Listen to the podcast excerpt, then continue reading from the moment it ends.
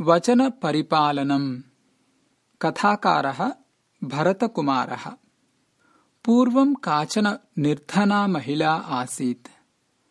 तस्याः पुत्रः यदा जातः तदा जातमात्रस्य शिशोः मुखम् दृष्ट्वा एव धात्री अवदत् एषः महापण्डितः भविष्यति इति। तत् श्रुत्वा सा निर्धनमहिला अवदत् भवत्याः वचनम् अमृतपानम् इव माम् आनन्दयति। भवत्यै दातुम् एतदवसरे मम निकटे किमपि नास्ति। तथापि प्रतिज्ञाम् करोमि यत् अयम् बालः ऐदम् प्राथम्येन यत् सम्पादयेत् तत् समग्रम् भवत्यै दास्यामि इति पञ्चवर्षाणि अतीतानि। कदाचित् राजा तम् ग्रामम् आगतः। राज्ञः दर्शनाय अन्यैः बालैः सह अयम् बालकः अपि राज्ञः शिबिरम् प्रति अधावत्। तान् दृष्ट्वा राजा अपृच्छत्। भवत्सु कः उत्तमतया गायति तदा सर्वे तम् बालकम् दर्शयन्तः अवदन् अयम् सुमधुरम् गायति इति। राजा तम् बालकम् अपृच्छत्। वत्स किम्? त्वम् एकम् गीतम् श्रावयितुम् अर्हेत् इति। अस्तु अन्येन रचितम् श्रावयाणि उत स्वरचितम् इति अपृच्छत् बालकः अल्पवयस्कः त्वम् किम् गीतम् रचयितुम् शक्नुयाः?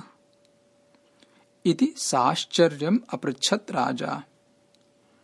महाराजा विद्यानवयः समीक्षते।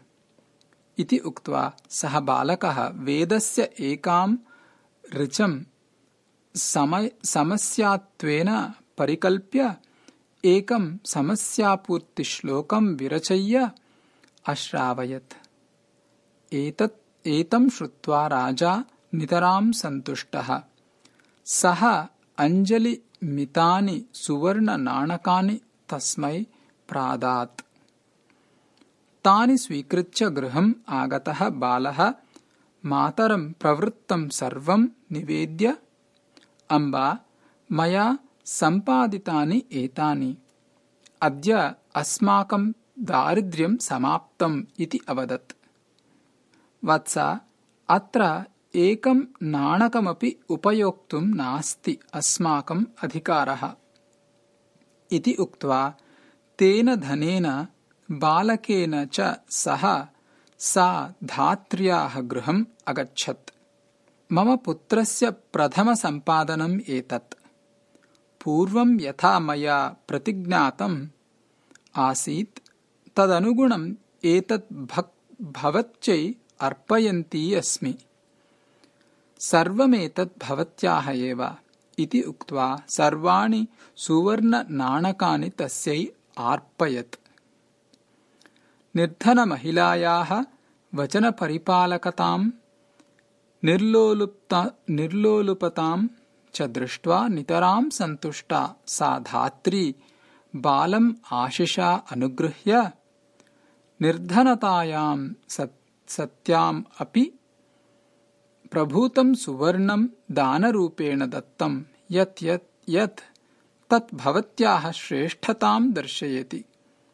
एतेन धनेन अहम् एकम् कासारम् निर्मास्यामि। येन जनानाम् महान् उपकारः भवेत् इति उक्तवती।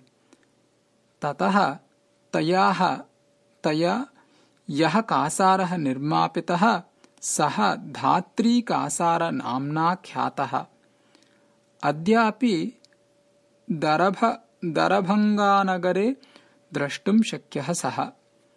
राजानम् स्वरचितम् श्लोकम् श्रावितवान् सः बालः भाविनिकाले शङ्करमिश्रनाम्ना ख्यातः अभवत्। न्यायशास्त्रक्षेत्रे महती ख्यातिः विद्यते तस्य कथा समाप्ता।